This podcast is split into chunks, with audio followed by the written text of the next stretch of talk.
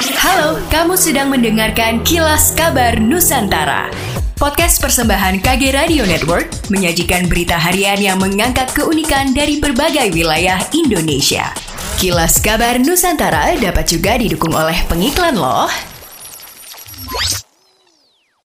Moms dan Dads ingin belajar pola asuh anak dan parenting dari ahlinya, sekaligus hiburan drama audio yang diangkat dari kisah nyata. Yuk dengerin podcast obrolan Meja Makan persembahan Media by KG Media bersama Nakita dan Nova hanya di Spotify.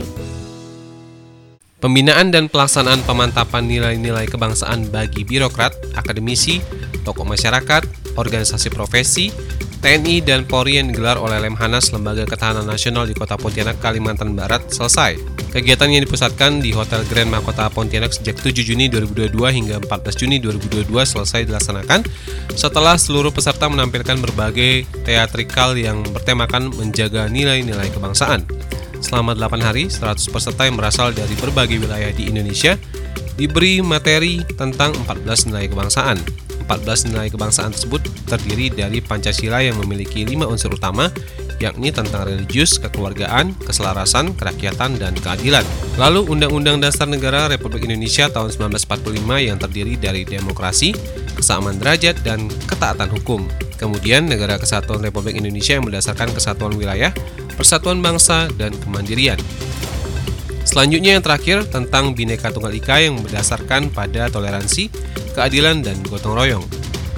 Laksamana Muda TNI, Edi Sucipto, Deputi Kebangsaan Lemhanas RI menyampaikan penguatan nilai-nilai kebangsaan terus dilakukan oleh Lemhanas tidak hanya di kota Pontianak saat ini. Hal ini karena kemajuan teknologi informasi saat ini membuat berbagai nilai-nilai lain dari luar negeri masuk ke dalam Indonesia. Oleh sebab itu, menjadi sangat penting untuk terus mensosialisasikan nilai-nilai kebangsaan tersebut kepada seluruh pihak dengan harapan mampu membentuk filter di masyarakat terkait. Bukan rahasia umum lagi bahwa digitalisasi menjadi kunci sekaligus tuas yang mendorong percepatan sektor ekonomi dan kemajuan pendidikan di Indonesia. Namun buktinya tidak sedikit sekolah-sekolah yang belum menerapkan hal tersebut akibat beberapa kendala. Salah satunya di Kota Palembang, di mana terdapat beberapa sekolah yang belum maksimal menerapkan digitalisasi pendidikan.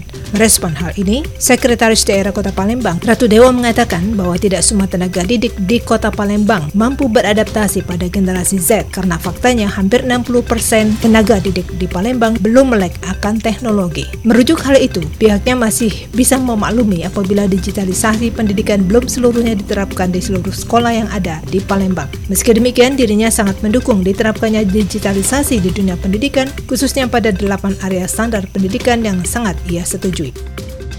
Program Mandiri Benih yang menjadi andalan Gubernur Sulawesi Selatan Andi Sudirman Sulaiman untuk mendorong kedaulatan pangan diklaim berjalan baik. Salah satunya terlihat di Dusun Polewali, Desa Salemba, Kecamatan Ujung Loe, Kabupaten Bulukumba, Sulawesi Selatan. Sudirman menyempatkan waktu meninjau lahan persawahan di daerah tersebut. Hasilnya bantuan benih yang disalurkan pemerintah Provinsi Sulawesi Selatan kini telah memasuki masa tanam satu pekan. Bahkan benih-benih di lahan pertanian masyarakat setempat mulai tumbuh. Sebelumnya pemerintah Provinsi Sulawesi Selatan melalui Dinas Tanaman Pangan Pangan, Hortikultura, dan Perkebunan atau TPH BUN telah menyalurkan bantuan benih sebanyak 67 ton lebih khusus untuk Kabupaten Bulukumba.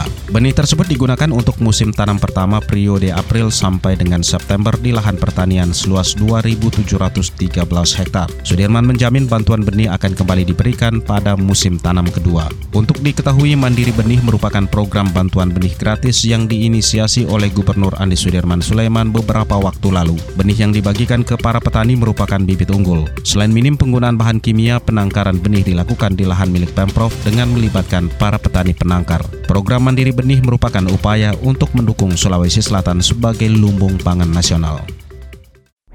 Demikianlah kilas kabar Nusantara pagi ini.